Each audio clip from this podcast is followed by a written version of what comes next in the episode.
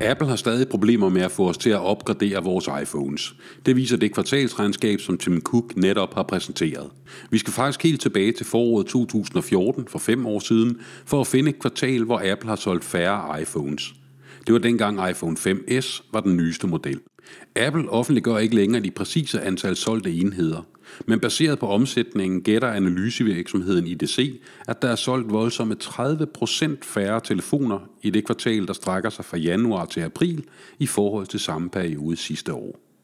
Siden 2015 har tendensen været en faldende omsætning på iPhones. Til gengæld ser det godt ud for tjenester, der dækker over blandt andet Apple Music.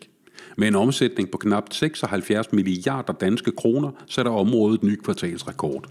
Og der er der heller ikke grund til at have ondt af Apple. Bare de seneste tre måneder har de kunnet køre et overskud på 77 milliarder kroner ind i den i forvejen bunende pengetank. I år er det 20 år siden, at Lego begyndte at lave Star Wars byggesæt, og det fejres med udgivelsen af fem eksklusive jubilæumssæt.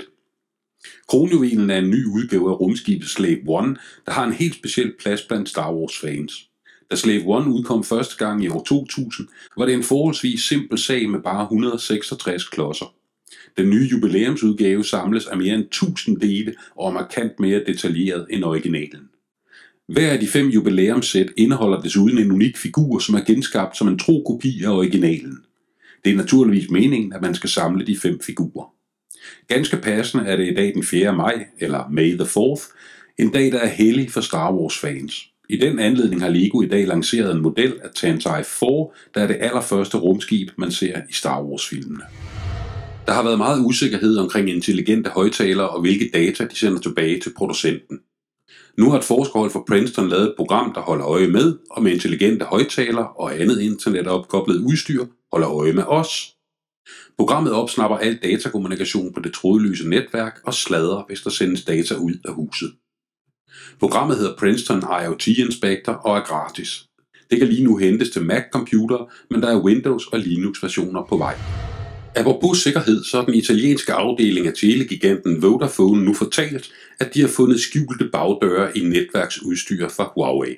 Det skete godt nok helt tilbage i 2011 og 2012, og et hvert spor blev fjernet af Huawei efter opfordring fra Vodafone. Men det er ikke nogen heldig situation for Huawei, der de sidste måneder har måttet lægge ryg til netop spekulationer om bagdøre. En diskussion, der er højaktuel i forbindelse med Huaweis rolle i opbygningen af 5G-netværkene rundt om i Europa. Hidtil har diskussionen bygget på ren spekulation og frygt, og uden konkrete beviser for bagdøre. Men er Vodafone-afsløringen ikke en rygende pistol, så lænker den i hvert fald Huawei sammen med en historik for skjulte bagdøre. Herhjemme valgte TDC svenske Ericsson som samarbejdspartner til 5G-netværket i stedet for Huawei. Også Bane Danmark har opsagt en aftale om fiberudstyr fra Huawei. Det var alt, hvad vi havde i denne omgang, men følg med i løbet af ugen på input.dk og giv os et like på vores Facebook-side. Fortsat god weekend.